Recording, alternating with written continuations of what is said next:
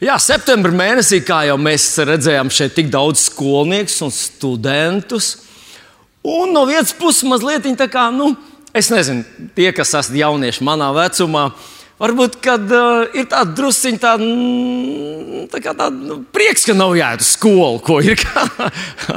nu, kas darās septembrī pie skolām? Un tu brauc ar līkumu katrai skolai, jo tu zini, ka tur ir milzīgs sastrēgums. Pareizi. Un tev tur nav jādodas. Tev nav bērnu, nu, nu nav mazi bērni. Bet kādi tur dodas? Un, zinot, šajā rītā man tā ir tād, tāds, tāds pamudinājums mūs visus atgriezt atpakaļ skolas solā. Kāds varbūt saviebās iekšēji, kuram ar skolu nesaistās nekas labs. Bet tā stunda, par kuru es runāju, mums visiem lielākā, es, es gribētu teikt, lielākā daļai saistās ar kaut ko pozitīvu, kaut kādām pozitīvām atmiņām. Jā, starp citu, vai jūs zinat, ka ļoti maz cilvēku dodas studēt arheoloģiju tagad? Tam esot ļoti vienkārši izskaidrojums. Visa viņu nākotnes karjera ir drupās. Un tāpēc cilvēki vairs negrib arheoloģiju studēt. Toties esot vēl populārāk palikusi doktora no studijas vai med, mm, ārstu, laikam, tā laikam pareizi jāsaka. Un rekā izgāja vienam doktoram, tas bija laikam ļoti labs lors, tātad ausu kaklu un deguna ārsts. Kaut ko mēs varam mācīties jau no šīs, te, no šīs te, nu, situācijas. Pie viņa atnāca cilvēks, tāds jau krietni, krietni, krietni gados, cilvēks, kuram sāk zust dzirde. Un faktiski ārsts izmeklēja viņu un saka, tā, jums, ziniet, jums no dzirdes ir palikuši kādi 20%. Jums steidzīgi kaut kas ir jādara. Nu, šis bija laikam tas viens gadījums no tūkstoša, kad doktors nozīmēja to ārstēšanu, un tad tas cilvēks uh, to cītīgi darīja. Un, kad viņš atgriezās pēc mēneša, doktors bija pārsteigts. Viņš teica, ziniet, ka jūs gandrīz par 95% esat atguvis visu savu re, dzirdi. Ko tad jūs ģimene par to saka? Uz ko Sirmgals sacīja sekojošo. Ziniet, es mājās nevienam nesaku, sēžu un klausos.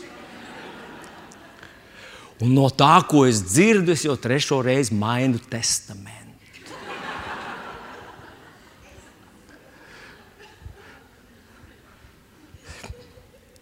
Ziniet, arī Jēzus mums sacīja, Mateja Evanģelijā 12. nodaļā, 36. pantā. Viņš teica, par katru veltīgu vārdu, ko cilvēks runā, viņam būs jāatbild tiesas dienā.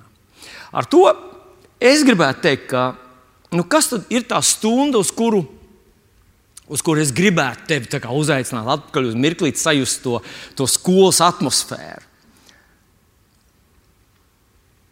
Tā ir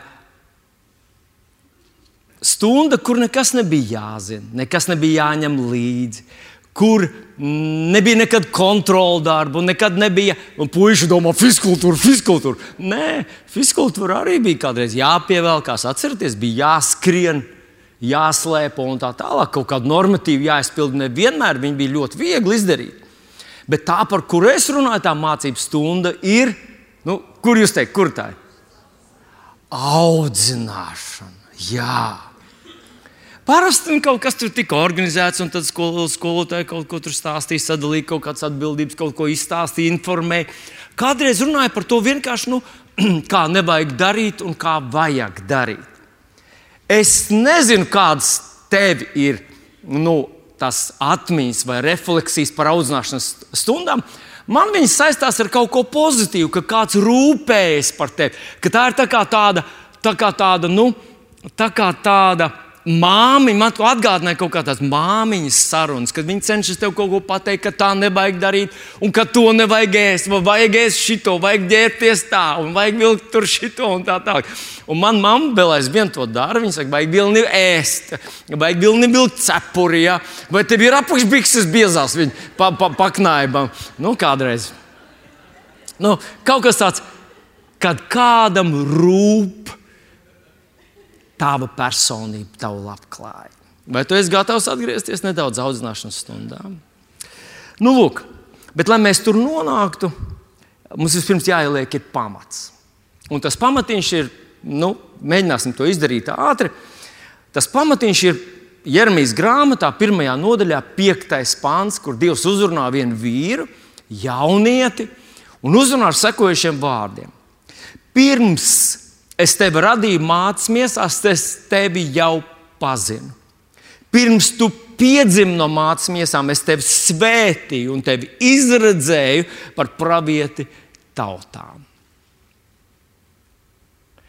Pievērsiet uzmanību.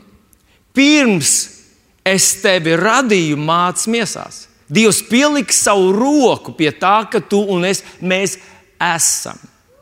Mēs, protams, zinām tos bioloģiskos procesus vai fizioloģiju. Es ne, nezinu, kā lai pareizi to nosaka, bet tur bija arī Dievs klāt. Ja Dievs nebūtu svētījis tavu ieņemšanu, tu nebūtu. Tātad viņš pielika savu roku pie tā.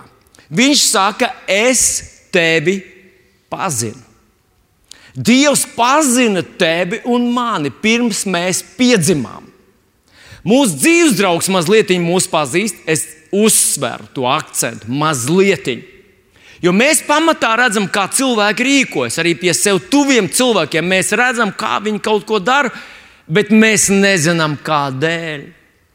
Mēs nezinām, kādēļ viņi tik sāpīgi kaut ko uztver. Kāpēc viņi ar kaut ko ar, ar tādām emocijām kaut ko saka. Bet Dievs mūs pazīst daudz labāk. Viņš zina tevi labāk nekā tu sev pazīsti. Daudz labāk. Kādā vietā Bībelē ir teikts, ka Dievs zina tavu aktuālo matu skaitu. Dievs zina, kāds ir tavs analīzes, Viņš zina visu, kas notiek ne tikai tavā ķermenī, Viņš zina, kas notiek tavā dvēselē un tavā garā. Dievs tevi pazīst. Un man ļoti patika, ka šodien mēs jau dzirdējām vārdus, kas ir uzrakstīti šajā raksturvietņā, kas ir uzrakstīti vairāk kā tūkstoš gadu atpakaļ. Un ko tad viņš te saka? Tātad, pirms tu piedzimi, es tevi svētīju. Ko nozīmē svētīt? Dievs piešķīra kaut kādas spējas, prasmes, talantus. Tu neienāc šajā pasaulē kā kartupelis. Dievs ielika tev iekšā daudz spējas, prasmes un talantus. Un, ja to tur nebūtu, tu nebūtu spējīgs tos attīstīt. Viss, ko mēs darām, mēs to, ko Dievs mūsos ieliek, mēs to mazliet attīstām, uzlabojam, mēs tās prasmes nu, nu, nu, pielāgojam. Bet tas ir tas, ko Viņš mūsos ielicis. Un tad viņš Jeremijam saka, es tevi izredzēju par pravietu tautām. Bet zinat ko? Šodien, vai pareizāk sakot, laikam, tajā laikā neviens neizvēlētos pravieša aicinājumu. Tas nebija populārākais cilvēks, tas nebija naudīgākais cilvēks. Atcerieties, Jēzus kādā vietā, vai tas bija apelsīns Pēters, kas vasaras svētkos uzrunāja savus tautiešus, un viņš uzdod tādu retorisku jautājumu, kuru no praviešiem jūsu tēvi nav vajājuši? Kuru no praviešiem? Pravieša aicinājums nebija viegls aicinājums. Bet Dievs saka, es tevi izredzēju, es tev ieliku prasmes, es izveidoju tev personību tādu, lai tu būtu veiksmīgs pravietis. Tieši tas pats attiecās uz ikvienu no mums. Tu varbūt sēdi tur kaut kur tribīnē. Varbūt tu esi pirmo reizi mūsu vidū, otru reizi. Varbūt tu esi vienkārši pieslēdzies, palūries, ko viņi tur tajā priekvēstī, ko viņi tur runā tad tev jāzina, ka šodien uz tevi attiecās šis pats vārds. Dievs tev zināja pirms tu piedzimi. Viņš ielika tevi iekšā prasmes, talants, spējas. Varbūt tu neesi strādājis pie tām, kas tev ir. Varbūt tu esi vienkārši, nu, tā kā mēs visi zinām, mēs ejam uz skolu. Kāpēc? Skola būtībā ir tāda dāvana. Nāk pedagogs, kurš gatavojās, mācījās, lai kaut ko tevi iemācītu. Kad mēs bijām skolā, mēs zinājām, ko viņam vajag no manis tam skolotājam. Īstenībā mums ļoti vajadzēja no viņa, vai ne? Mēs tikai to nezinājām. Iespējams, es ļoti ceru, ka šodien jaunieši saprot daudz vairāk. Ka nevis mēs cenšamies apmānīt to pedagogu, bet mēs tiešām cenšamies paņemt, ko tad šodien viņš man gribēja iedot. Bet tā tad Dievs ir izredzējis tev dzīves ceļu. Dievs katram no mums ir izredzējis dzīves ceļu, ne tikai mācītājiem un praviešiem. Viņš ir izredzējis dzīves ceļu. Dievs man ir izredzējis, lai es būtu tēvs, un viņš man deva kaut kādas vajadzīgās kvalitātes. Man bija pie viņiem jāpiestrādā. Un atsaukšos uz dziesmu, kur es dzirdēju šorīt. Kristīga dziesma, kur kāds tēvs kā dzied tādu tēvu dziesmu, un tad tas tēvs saka, tā, es laikam jau par spīti visam tam, ko izdarīju nepareizi, kaut ko esmu izdarījis labu. Viņš saka, skatoties uz saviem bērniem, viņš teica, es daudz ko salaidu grīstē, bet kaut ko es esmu izdarījis arī pareizi, ka man ir izauguši tādi brīnišķīgi bērni. Dievs tātad to ir ielicis. Viņš gribēja, lai es esmu vīrietis, viņš gribēja, lai es esmu arī mācītājs. Un to es izdzirdēju. Pirmoreiz dzirdēju, kad man bija kaut kādi 12, 13 gadi, ka man būs šis aicinājums. Nekas uz to nevilka. Bet Dievs to bija izredzējis un ielicis manī. Un, mīļais draugs, tieši tāpat tas ir ar tevi. Numur viens, viņš tevi pazīst. Saka, Dievs man pazīst. Dievs tevi pazīst. Un tāpēc tu vari to izmantot nevis kā aizbildinājumu, kāpēc tu neko nevari. Bet iespējams, ka tev ir kaut kādas pareizas lietas darīt grūtāk kā citiem. Iespējams, iespējams ka tava personība, tavu dzīves ceļu ir izveidojusies ne tāda, kāda būtu ideāla tavam aicinājumam. Bet jo vairāk Dievs zinot, kādu piepūli pieliec, cik daudz tu maksā, lai rīkotos pareizi, Viņš noteikti to novērtē. Tātad pirmais punkts, numur viens - Dievs tevi pazīst. Pasaka līdzi ar maniem, Dievs man pazīst. Man ir mans dzīves ceļš. Dieva nolikts. Nē, nav tā, ka tu obligāti iekritīsi tur, kur Dievs gribēja, lai tu esi. Tas ir jāmeklē. Ir jāpieliek piepūle. Mēs, kā jaunās darbības kristieši, zinām, ka jāliek ticība, jāpielieto ticība, lai saprastu, zinātu, lai rīkotos tā, kā tas pareizi ir jādara. Un dažreiz, mīļais draugs, Dažreiz Dievs var uzrunāt dievkalpojumā, dažreiz lūkšanās, dažreiz lasot Bībeli. Dažreiz vienkārši kaut kur kāds iet garām un izsaka tev vārdus. Bum! Un tu zini, ka tas bija Dievs, kurš te uzrunāja. Tā ar maniem notika. Kad viens brālis no draudzes vienkārši tramvajā, mēs braucām no dievkalpojuma uz mājām, pienāca, gāja garām, pienāca nostājās man blakus. To laikam esmu stāstījis, bet vienkārši kā mazu tādu atskatiņu, un man tas ļoti sentimentāli liekas svarīgi. Gāja vienkārši garām, teica, Vilni, ko tu darīsi, kad tu pabeigsi skolu? Es teicu, ko? Ne? Viņš teica, tev vajadzētu pamēģināt medicīnu, kā es to daru. Un tas bija, tas bija viens tas teikums. Un zinot, ko tas teikums? Brum! Un es zināju, man tur jāiet. Un es izstājos ārā un 9. klasē aizgāju uz medicīnas skolu. Un kas zina, kā ar ko es nobeigšu? tas bija joks, protams. Bet tā tad Dievs tevi pazīst, un viņam ir tev dzīves ceļš, un viņš tev kaut kādās veidos, viņš tev uzrunā un dod tev zināt par to. Un pat ja tā nav naudīgākā profesija, kur šodien cilvēki uh, izvēlētos, būt tajā vietā, kurā Dievs grib, lai tu esi, ir miljons, ir dzīves miers, ir jēga.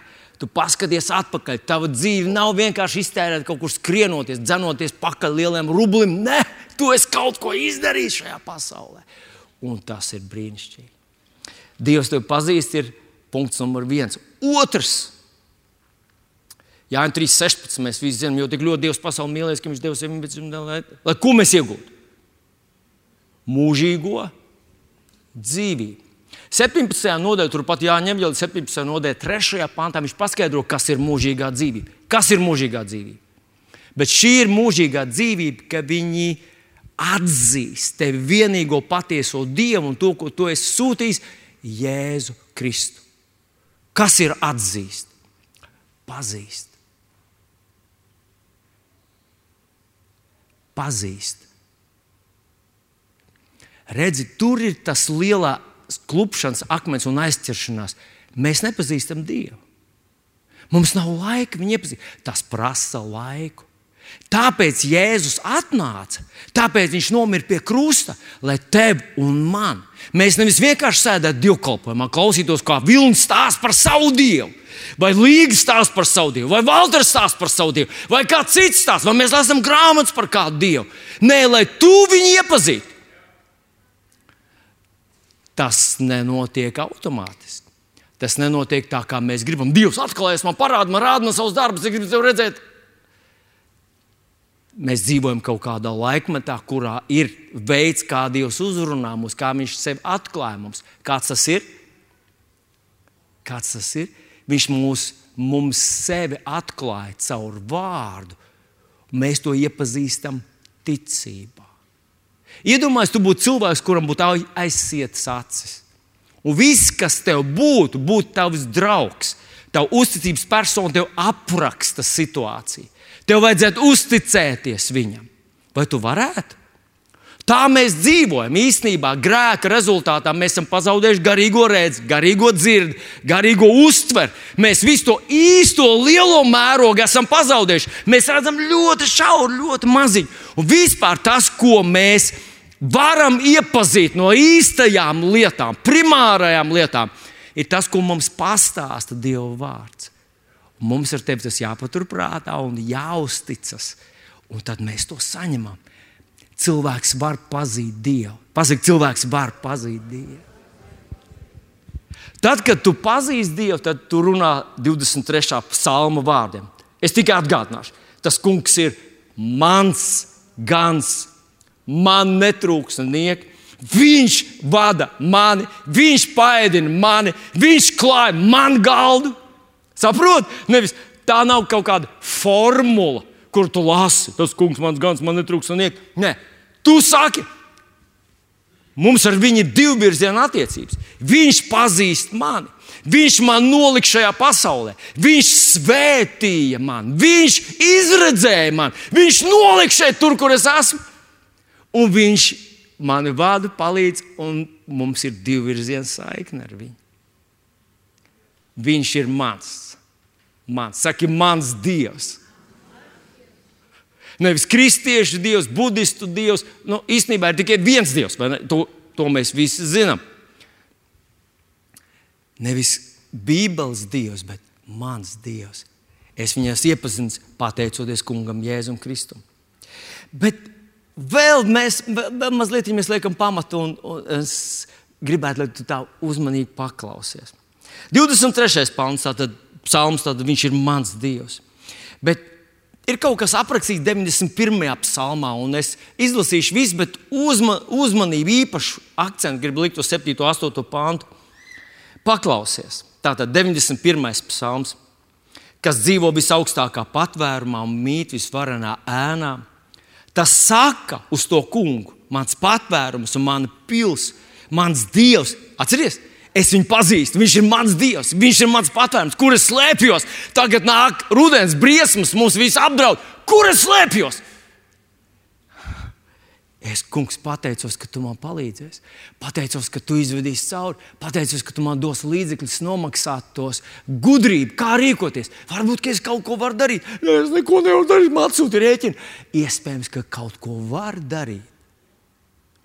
Cilvēka rīcībai ir sekas, tas, tas, ko Bībele mums visu laiku cenšas pateikt, ka, ja tu neko nedari, nekas nenotiek. Ja tu kaut ko dari, tu kaut ko vari darīt. Un, ja tu to dari ticībā, tam vienmēr ir rezultāts. Tātad viņš man glābi, kā putnu ķērē cilps. Tātad cilpe speciāli veidot priekš putnam, Dievs viņu izglābi. Viņš sēdz mani ar saviem spārniem, zem viņa spārniem es esmu paglābts. Viņa patiesība mans vairogs un bruņas. Tu nebīsties naktas briesmu, nec būtu, kas dienas skraida, nec mēra, kas tumsā lien, nec sērgu, kas pusdienā nomaitā. Viņš te apraksta dažādas briesmas, zināmas un nezināmas. Loģiski, saprotams, daudz no tā ir cietuši, un tomēr viņš man izglāba. Un kaut kas, ko mēs nesaprotam, viņi nesaprata, kā mērs toreiz darbojas. Bet viņš teica, viņš man izglābs. Un, ja tu uzmanīgi paskaties, mīļais draugs, Tur runāts par briesmām tumsā un briesmām gaismā. Briesmām nezināmām un briesmām zināmām. Viņš no visām man izglābs. Vai tiešām tas tā ir domāts? Vai tiešām tas ir? Piedodiet, Es sev visu laiku atgādināju, pirms dievkalpojuma nejautā viņam to jautājumu. Jo tas jau nav tā, ka mēs varam nobalsot, vai tas tā ir vai tas tā nav. Man ir dziļa pārliecība, ka tur burtiski tā ir uzrakstīts, ka no visa, kas šajā pasaulē var ar tevi notikt, no visa, kas tev grib uzbrukt, es gribu tevi pasargāt. Bet pirmajā pantā bez šaubām bija tas noteikums. Tas, kas dzīvo visvarenā ēnā un atrodas viņa tūmā, viņš tur atrodas visu laiku. Viņš runājas ar savu dievu. Viņš pasargās no tām, kas dienā un naktī, no visa kā viņš var pasargāt. Vai Dievs var pasargāt kara laikā? Jā, Mēs esam dzirdējuši entās liecības no cilvēkiem, kas izdzīvojuši līdz. Nu, es pats dzirdēju no, no savas uh, vecmāmas, kurš šobrīd jau ir mūžībā, kā tas kara laikā bija, kā vācieši nāca, kā bumbas krita. Dievs izveda visur cauri. Bet paklausies uzmanīgi vēl kādu ļoti nopietnu frāzi, kas ir jāietver šajā savā, nu, mm, jā, jāpaturprātā. Septītais pāns. Jebšu tūkstoši krīt tev blakus un desmit tūkstoši tev pa labo roku, taču tevi tas neskars. Tiešām tu vēl skatīsies ar savām acīm un redzēsi, kā bezdieviem tiek atmaksāts. Tātad no vienas puses viņš saka, ka Dievs nodrošinās lietasargu pār tevi. Ka visa, visas tās briesmas, kas tev grasījās uzbrukt, varētu uzbrukt, tev neuzbruks. Un no otras puses viņš saka, ka es atmaksāšu tiem, kas tev uzbruks, es karošu tavu karu. Vai jūs esat vēl tik tālu ar maniem? Es tikai parādīšu vēl vienu rakstvietiņu, kur arī runā to pašu. Tas iesaistās grāmatā 54. nodaļa. Iesaistās pie 53. 53. nodaļa apraksta kunga jēzus ciešanas, visu to, ko viņš izdarīs. 54. saka, kādu labumu no tā, vai kādas svētības viņš mums dod. Tur ir daudz brīnumainu lietu, bet uzmanību, jūsu uzmanību šajā rītā es gribu vērst uz 14. pantu un līdz 16. Paklausieties! Tu spēcīgi balstīsies savā taisnīgumā, Atraisies no bailēm, jo tu, tev vairs no kā nav jābīstas. Es stāvu prom no šausmām un briesmām, jo tās tev neuzbruks. Šausmas un briesmas mums neuzbruks. Ziniet, kas ir šausmas un briesmas? Kā jūs teikt, kas ir šausmas un briesmas? Covid, gripa, nu, nedraugi, parādi. Ziniet, bibliskā izpratnē šausmas un briesmas ir tas, ko Jēzus karājas pie krusta. Un viņš nelūdz Dievs, man nav elpas, man sāp, man slāpst, te ir karsts un tā tālāk. Atcerieties, ko viņš sauc. Kāpēc tu esi mani atstājis? Kad Dievs atstāja, kad Dievs dusmojas uz tevi, tās ir šausmas un briesmas. Mums ar tevi nekad nekas tāds nebūs jāpiedzīvo jo mēs esam pieņēmuši Jēzu Kristu par savu kungu, vai ne? Bet palasam vēl mazliet tālāk. Tātad, zini, ja pret tevi kāds vērš uzbrukumu, tas nenāk no manis. Kas sacēlies pret tevi, tas kritīs tevis dēļ. Te ir tā pati doma kas ir 91. psalmā. Pēc dieva es atmaksāšu tam, kas te uzbrūk, es atmaksāšu. Neviens ierocis nebūs veiksmīgs, es atmaksāšu. Es karošu ar tiem, kas karo ar tevi.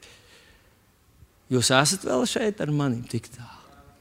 Paklausieties, šī pati doma ir uzrakstīta 1. mūža grāmatā, 12. nodaļā, 3. pantā. Es pieminēšu, jo tur man liekas, tā ir tā tāds nu, garīgs likums. Trešajā pantā Dievs saka Abrahamam, mēs ar tevi esam Abrahama ticības mantinieki, mēs esam labākā darībā nekā bija Abrahams. Un ko viņš Abrahamam saka? Es svētīšu tos, kas tevi svētī, un nolādēšu tos, kas tevi nolāda. Un man ļoti, ļoti šis pāns īstenībā saliek visu pa vietām uzreiz, bez kaut kādas lielas domāšanas un teoloģiskas apcerējuma. Tu būsi par svētību visām tautām. Skaties, es nolādēšu tos, kas tevi nolāda, un svētīšu tos, kas tevi svētī. Bet tu, Abrahām, ko dari tu? Man mazmeita jautā, man, ko dari tu, Opi?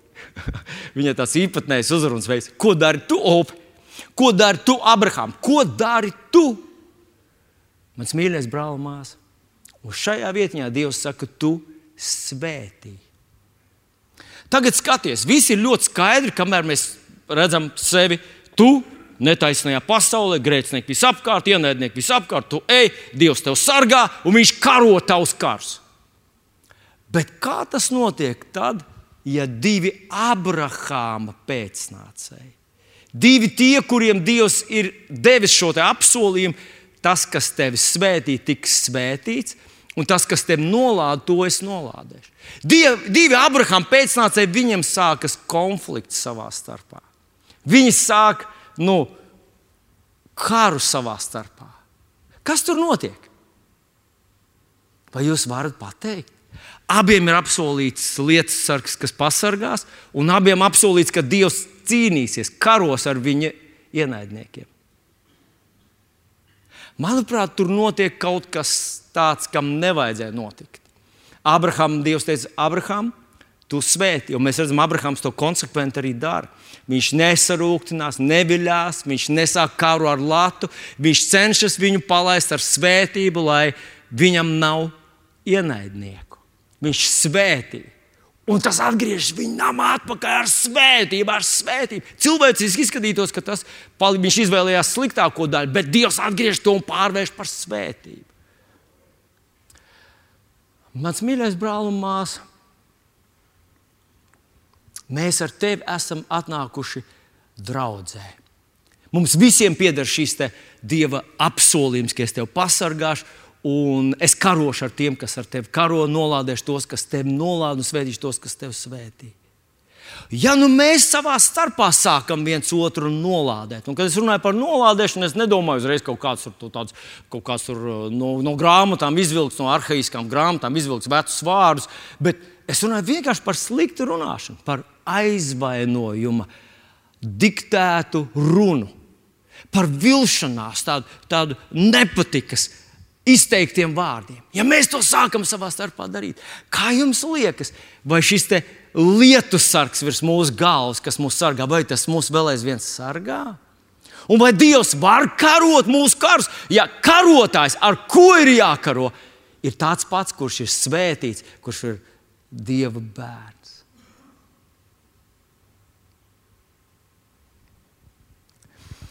Nu, es gribu atgādināt rakstu vietu, kas ir uzrakstīta, ko Pāvils raksta Timotejam, 1. Timoteja grāmatā, 3. nodaļā, 14. 15. pāns, kur viņš sāk paklausties kādus vārdus. To es rakstu tev, cerādams, drīz nākt pie tevis. Bet, ja es aizskavētos, lai tu zinātu, kā pienāks izturēties Dieva namā, kas ir dzīvā Dieva draugs, patiesības balsts un pamats. Un tagad padomā līdzi ar maniem. Timotejs nav nekāds zīdainis, nav nekāds tūkstošs vīrs, kurš nezina, kā uzvesties starp cilvēkiem. Viņš ir uzaugusi, viņš ir labi izglītots, uzaugusi eh, nu, izglītotā sabiedrībā. Un tomēr Pāvils viņam raksta smalkas instrukcijas, kā jāizturās Dieva draudzē. Ziniet, par ko tas runā? Ka tas nav vienkārši intuitīvi. Tas neatnāk pats no sevis. Es esmu atnācis draudzē, protams, es biju skolā, es esmu darba vietā, bijis, tā es atnācu draudzē, es zinu, kā te jāuzvedās. Viņš saka, nē, nē, nē pagaidi.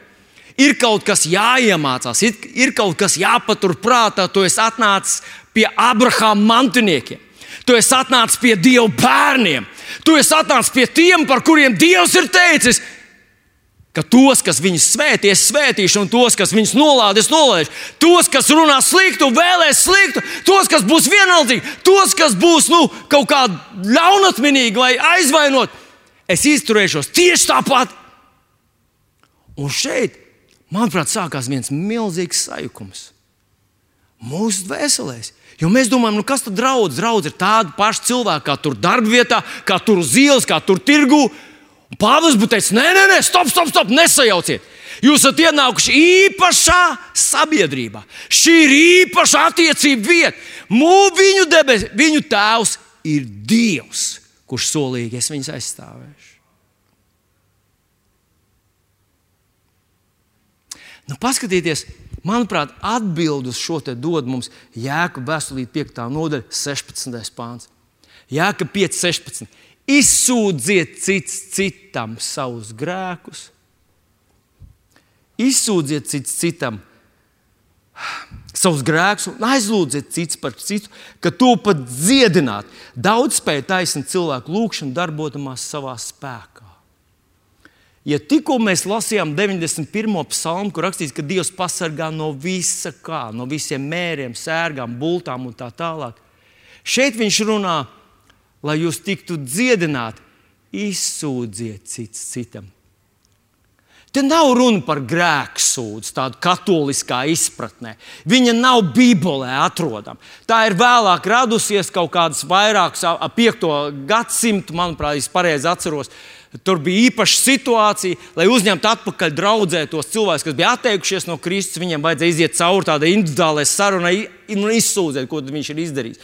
Vajāšana dēļ bija cilvēki, kas atteicās no Kristus, un kad tās vajāšanas beidzās, viņi atkal teica, mēs gribam atpakaļ, mēs gribam kungu jēzu par savu kungu. Un tad ieviesa šo sarunu ar garīdznieku, un viņš tad pēc tam uh, nu, uh, garantē, jā, tas cilvēks to ļoti nožēlo, viņš grib atkal atgriezties pie kunga jēzus. Bet tā tika padarīta par tradīciju un šodien ieviest katoliskajā pasaulē, ka tā ir tāda grēksūdzība, ir kaut kāda norma, ka tev reizi, ja nemaldos, mēnesī viņi to, to cenšas uzturēt. Par ko tad te ir runa? Te ir runa par izlīdzināšanos. Kad divi dievu bērni ir konfliktā savā starpā, vēl sliktāk, ja tā ir ģimenē.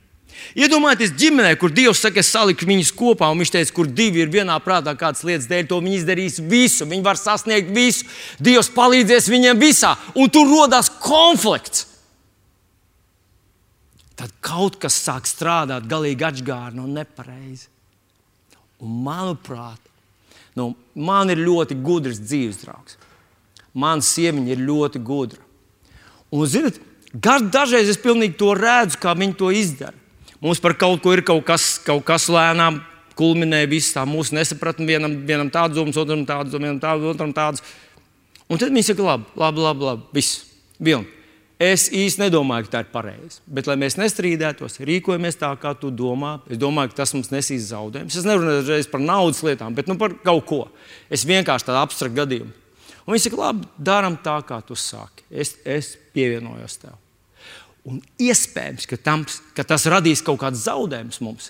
Bet, zinot, ja mēs būtu palikuši konfliktā, tas būtu radījis daudz lielāku zaudējumu. Jēkab 3.16. uzrakstīts, jo kur ir skaudība un ķilda, tur ir uh, sajukums un visādi nelietība. Faktiski viņš saka, ka tur, kur ir ķilda, tur ir vēlns vienā ģimenē, kur divi bērni, kuriem vajadzēja būt vienā prātā par kaut ko, kuriem Dievs saka, es jūs savienoju, es jūs saliku kopā, es gribu jums iedot visas uzvaras. Tas konflikts, ko, ja tas ir kronisks, konstants konflikts, atraisa vēlnam rokas. Un tad sākās šis te. Kādu laiku atpakaļ es dzirdēju par rādio, man liekas, runāja kaut kāds no no cilvēkiem, kurš cenšas ar psiholoģiju nodarboties. Iespējams, bija kvalificēts akadēmiski izglītots psihologs, kurš stāstīja tādu interesantu lietu. No vis tā tur es, man prātā palika tas viens teikums. Ka parasti tad, kad cilvēks saslims ar kādu smagu neārstējumu slimību, un to ar viņu runā, runā, runā, iedziļinies un palīdz viņam atrast, tad izrādās, ka Viņa dzīvē ir bijis kaut kāda liela nelaime, nu šķiršanās, vai kāda tuva cilvēka aiziešana, vai vēl kaut kas ir bijis. Un tas cilvēks tajā mirklī, tajā uh, situācijā ir paņēmis kaut kādu rūkumu, kaut kādu sāpju un nesā savā dvēselē. Un tas psihologs saka, es nevaru, protams, novilkt tieši saikni ar to, bet ļoti iespējams, ļoti iespējams, ka tas ir tieši tās sekas. Tas ir, manuprāt, tas ir tas, ko Jēkabs mums šeit saka. Iz, izsūdziet cits, cits, cits citam, izlīdzinieties. Lai jūs neslimojat, lai nedod vēlnam iespējas, lai Dievs var jūs sargāt, lai šis lietu sargs virs mums, lai tas strādā un lai Dievs var karot tavus karus. Dieva bērni. Tas nenotiek pats no sevis automātiski. Vai tad Jēzum vajadzējis būt divas reizes. Viņš burtiski saka, tas ir mans bauslis, ka jūs mīlat citu citu. Tā ir mana pavēle, lai jūs mīlat citu citu. Ziniet, es gribētu pielīdzināt šo aizvainojumu, kaut kādu tādu, tādu, nu, kaut kādu tādu uh, nedraudzīgu, kaut ko tādu, ko mēs paņemam sev līdzi. Es to salīdzinātu ar ērci. Visi ir redzējuši ērci, kaut kad ir kādreiz piesūkusies tā ērci. Tad, kad es augu jaunībā, tad nu, runāju, ērts bija, bija izrāva ārā un izmet ārā. Un viss. Šodien mēs zinām, ka ērce var saturēt kādu ļoti, ļoti indīgu, naidīgu vīrusu. Un tā var. Kā, ļaujiet man vēlreiz pateikt, ka katrs aizvainojums, katrs sarūknējums ir tā kā tāda ērce. Tā sūdz tavu dzīvību, sūdz tavus asinis. Un ļoti iespējams, ka vienā no viņām ir tas ļoti naidīgais, ļoti indīgais vīrus, kas var sačakarēt tavu dzīvi. Ļoti.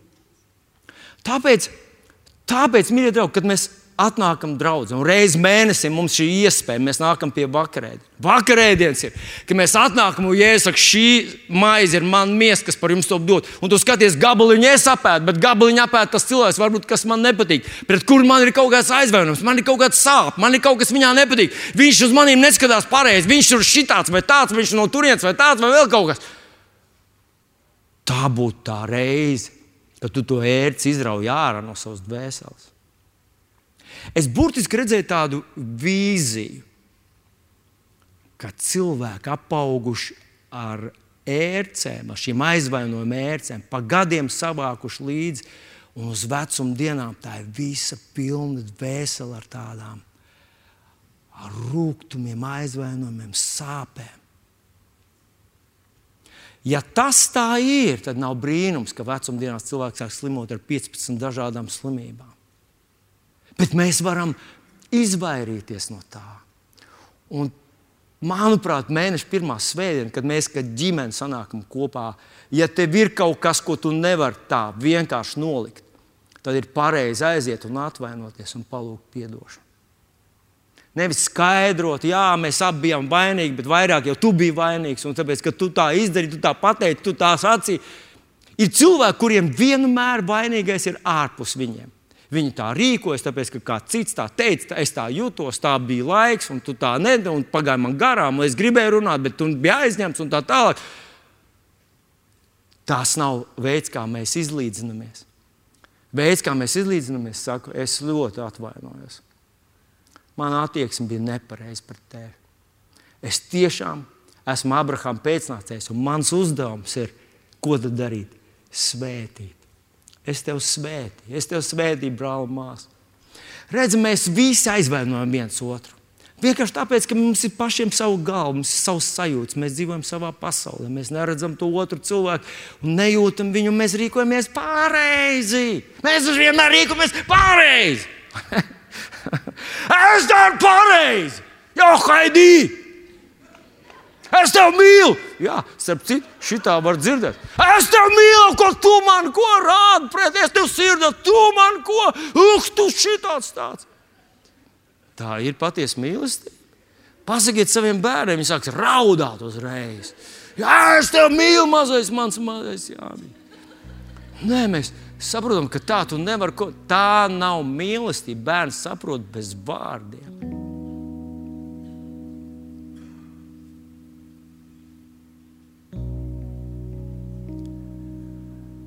Kas ir ar tavu dvēseli? Cik, cik tur ir tāda aizvainojuma sakrājušies? Sāc vienu pēc otru lēnītēm kārtot, sakārtot savu dvēseli. Īstenībā mums dvēselē būtu jābūt atvērtai, brīvai, jo viņš solīja, es tevi pasargāšu un es karošu tavus karus. Es karošu, ja tur būs jākaro, leave it to me. Atstāj to manā ziņā. Esmu tavs aizstāvis. Es šajā ģimenē esmu tēvs. Es zinu, kad jāiesaistās. Mans vārds ir biezāks par tavējo. Paklausies, lūdzu, ļauj tēvam būt tēvam. Bet es nobeigšu vēl ar otru domu. Un tā otra doma ir, ka mēs esam draudzē. Un kā mēs jau lasījām, Pāvils Timotejam saka, draudz ir īpaša vieta. Hei, Timotej, draudz ir īpaša vieta. Ir kaut kas tāds, ko mēs varbūt sabiedrībā, īpaši mūsdienu sabiedrībā, mēs visur esam vienādi. Mēs visiem ir savs viedoklis, es tā gribu, es tā saprotu, es tā domāju, es tā esmu izrēķinājis, jādara tā. Un varbūt tavā darbvietā tieši tā arī notiek. Cepur nost, tu esi priekšnieks. Tu. Tad, tad viss ir skaidrs. Tu esi īpašnieks, vēl vairāk skaidrs. Bet tad tu atnāc uz draugu. Un te ir tieši tā pati doma, ko Pāvils Timotejam saka. Zini, attiecības draudzē jau nav tādas, kā tās ir nu, kaut kur sabiedrībā, tā kā tas ir visur. Viņas ir jāmācās. Un ir jāmācās paklausība un disciplīna. Mēs varam, kad mēs lasām Pāvila vēstules Timotejam, mēs daudz ko no tā atrodam. Bet šodien mēs pieskarsimies pirmai Pētera vēstulē, piektajai nodaļai, un palasīsim uh, piekto pāntu, un tad mazliet atpakaļ es tikai nelasīšu, vienkārši mazliet atsaucēju, pastāstīšu. Tātad, pirmā Pētera vēstule, piektā nodaļa, piektais pāns. Tāpat jaunākie esiet paklausīgi vecākajiem. Visi cits citam padodamies, apjozieties ar pazemību. Jo Dievs stāv pretim lepniem, bet pazemīgiem viņš dod žēlastību. Tātad, vēlreiz, jaunākie, esiet paklausīgi vecākajiem. Tu esi atnācis draudzē, ir kāds, kas ir vecāks par tevi. Viņam tur runā par sevi, vai ne? tu esi tas vecākais, un jaunākiem tev ir jāpaklausa. Prieka vēstī, vilnis savienots ar līgu. Dievs mūs savienoja kalpošanā jau pirms mēs kļuvām par mācītājiem. Mēs visu darījām kopā. Brīžiem līga ir iniciators, bijusi tāds garīgs motors. Es tiešām uzskatu, ka Dievs deva dzīves draugu, ka Dievs dod dzīves draugu. Tā nav vienkārši smuka meitene ar garām kājām. Ka tas ir kaut kas vairāk dziļš, kaut kas nopietns, kaut kas tik ļoti dārgs un svarīgs. Tev visas dzīves garumā viņi var būt par milzīgu svētību. Tāda man ir līga. Prieku vēstī mēs esam atbildīgie mācītāji. Tas tā kā tu uzkāp uz kādu kuģi, vai ne? Tur ir milzīgs personāls. Tur ir tie, kas motors apkop, tie, kas um, remontē, tie, kas tur rīkojas par visām tām, tām visām lietām. Tu taču negribi sarunāt ar katru, negribi iet pie motoristiem, tagad ieslēdziet, tagad samaziniet, tagad ir vējš, šitāds uzvelciet šo burbuļu, to nolaidiet. Tu gribi, lai kapteinis nodrošina, lai viņš tiek galā, viņš sauc pēc disciplīnas, lai katrs dara to, viņam, kas viņam jādara. Un draudzē ir tieši tāda sistēma.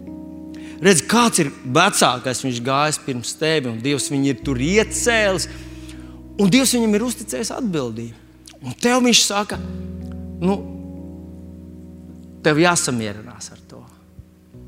Ja tu gribi būt prieka vēstī, prieka vēstī, vilnis un līga ir vecākie mācītāji. Tu to nevar izmainīt. To var izmainīt debesu tēvs. Vienīgi viņš, vienīgi kungs Jēzus. Jā. Viņš var noņemt mūs nost. Viņš var atnākt un Vilnim pateikt, Vilni, tev jādabina draudz masalacā. Un Vilnis teiks, jā, kungs, un dosies uz masalācu. Es esmu viņa karavīrs. Es to publiski vēlreiz apliecinu, ko viņš man teiks. Tā es darīšu. Bet tagad atnāc draudzē, tu esi tas jaunākais. Un tev liekas, kā tā, man te visiem jāklausa. Dievs, es vecākiem neklausu. Man te draudzē jāklausa. Nu, vispirms, ja tu neklausi vecākiem, tad tev ar to būs sekas. Tas nav vienkārši. Dievs ir ielicis vecāks, lai daudz ko mums iemācītu, izveidot mūsos labu raksturu. Raksturs, labs raksturs māca paklausīt autoritātēm. Ja tu nepaklausi autoritātēm, agrāk vai vēlāk tu beigsi slikti. Bet tagad tu esi atnācis uz draugu. Tāpat jaunākie paklausiet vecākajiem. Bet tas atslēgas vārds šajā pantā ir tāpat. Kā tāpat, tāpat kā tie vecākie, un tur iepriekš aprakstīts, kā tiem vecākajiem jākalpo Dievam. Ka viņi to nedara naudas dēļ, nedara to algas dēļ, viņi nedara to slavas dēļ, viņi nedara to egoistiski, sautīgi, viņi nedara to, nu, lai, lai viņi iedzīvotos uz kaut ko. Viņš kādā citā vietā saka, netopiet man mācītājiem, mēs nāksim grūtā tiesā. Jā, mums ir īpaša atbildība tiem draudzes vadītājiem, bet līdz ar to mums arī ir pilnvaras. Un šis ir tas, ko prieka vēstīt. Tev vajadzētu saprast, mīļais draugs, mēs cienām savus kalpotājus, savus mazās grupas kalpotājus. Tavam mazās grupas vadītājam nav jākaro ar visiem tur uz vietas. Nav jābūt skaļākai rīklei un biezākai dūrē, lai viņš nodibinātu kārtību mazajā grupā. Tu cieni viņu, tu respektē viņu. Tu nevari būt prieka vēsti, ja tu necieni šo kalpotāju hierarhiju. tas tā ir jādara. Tas iekļauj sevī to, pirms es atnāku. Es uzrakstīju, tev, es gribu, lai tu saproti, tu esi dzīvā Dieva draudzē, kuras vadītāja, kur ir teokrātija, viņš ir pirmais, un tad visi pārējie cenšas darīt viņu gribu un darīt viņu prātu. Un arī tas, mīļais draugs, mums ir jāsakārto. Šī ir atcerieties audzināšanas stunda, un mēs gribam to izrunāt. Ja tev ir kaut kāda bibliska iemesla, kas tev nepatīk, kas tev liekas, nav pareizi, rekur tev jānāk pie manis. Es esmu parasts cilvēks. Tev jānāk pie līgas, labāk pie manis. Jā, izstāst man, uzrakst man. Es apdomāšu katru vēstuli, katru ziņu, ko es saņemu no kāda cilvēka, kurš saka, ka man liekas, ka tā nav pareizi, vai vajag darīt šī tā vai tā. Es to pārdomāju, es izstāstu to līgai. Mēs kādreiz lūdzam kopīgi. Mēs domājam, Dievs, ko mēs varam tajā lietā darīt. Dažreiz mēs nevaram darīt neko, izņemot lūgt. Un vēl es gribu pateikt, šeit no vietas, kur es stāvu, ir pavisam savādāk viss redzams. Tas, kur tu atrodies šodien, ir savādāk viss redzams. Un tāpēc, jā, tu man kaut ko saki, bet es skatos no šejienes un saku, šobrīd mēs darām tā. Rīt mēs varbūt darīsim savādāk. Bet mēs meklēsim Dievu gribu, mēs gribam Viņam paklausīt. Mēs, nu, es vēlreiz teikšu to varbūt neatbilstošo frāzi. Es jau tālumā redzu savus ciānus vārdus. Es nedzīvoju savu dzīvi vienkārši kaut kā darot to, ko es gribu. Es gribu izdarīt viņu prātu. Un es ticu, ka arī tu tāpat gribi izdarīt no visa sava spēka viņa prātu. Pēc mirklīša mēs baudīsim vakarēdienu. Bet šajā audzināšanas stundā es gribēju, lai tu paskaties uz sevi, uz savu dvēselīti Un, ja tev viss ir kārtībā, paņem to par likumu, ka tu nekad nesarūktināsies, lai ar kas ar tevi notiktu. Bija ļoti interesanta situācija ar uh, mācītāju Edvardu Baisu. Mēs bijām ar viņu Krievijā, Sibīrijā. Un es biju par tulku viņam tur. Nu, lūk, un, un vairākas reizes tas vietējais cilvēks pie kā mēs aizbraucām. Visu laiku manipulē un spiež no viņa ārā naudu. Stāst visādas tur stāstīņas, kaut kāds žēlīgs tur. tur. Un, un, un visu laiku ar mērķi dabūt naudu no viņa ārā. Un es tam pēc tam, kad mēs esam divi vieni, es viņam saku, paklau. Es ļoti atvainojos. Es nedomāju, ka tu neredzi, ka tu nesaproti tās lietas. Bet vai tev neliekas, ka tas cilvēks manipulē, ka viņš vienkārši smiedz ārā naudu no tevis? Viņš man pasmaidīja, Un viņš teica, tā es to redzu. Bet cilvēka dzīvē ir dažādi posmi. Un šobrīd viņš ir tādā tapšanas posmā.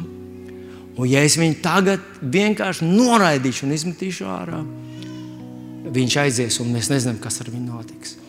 Bet es, es to cenšos viņu virzīt, cenšos viņu vadīt, nesarūktinoties uz to cilvēku. Es tur biju blakus man bija ko mācīties. Man bija gribējis viņam pateikt, ka перестаньте, заткнись, ты что ты это самое, деньги вымогаешь, ты верь Богу. Nu, Un tas, viņš saglabāja šīs attiecības, un tas izauga, pārgāja šim posmam pāri. Mūsu dzīvē ir dažādi posmi. Bet vienu, ko mēs ar tevi darām, mēs svētījam. Mēs neļaujam, lai ar mums manipulē, bet mēs nesarūktinām neviļamies, neaizvainojamies. Mēs gribam saglabāt savu dvēseli tīru, mēs izlīdzinamies, aizlūdzam viens par otru un saņemam dziedināšanu.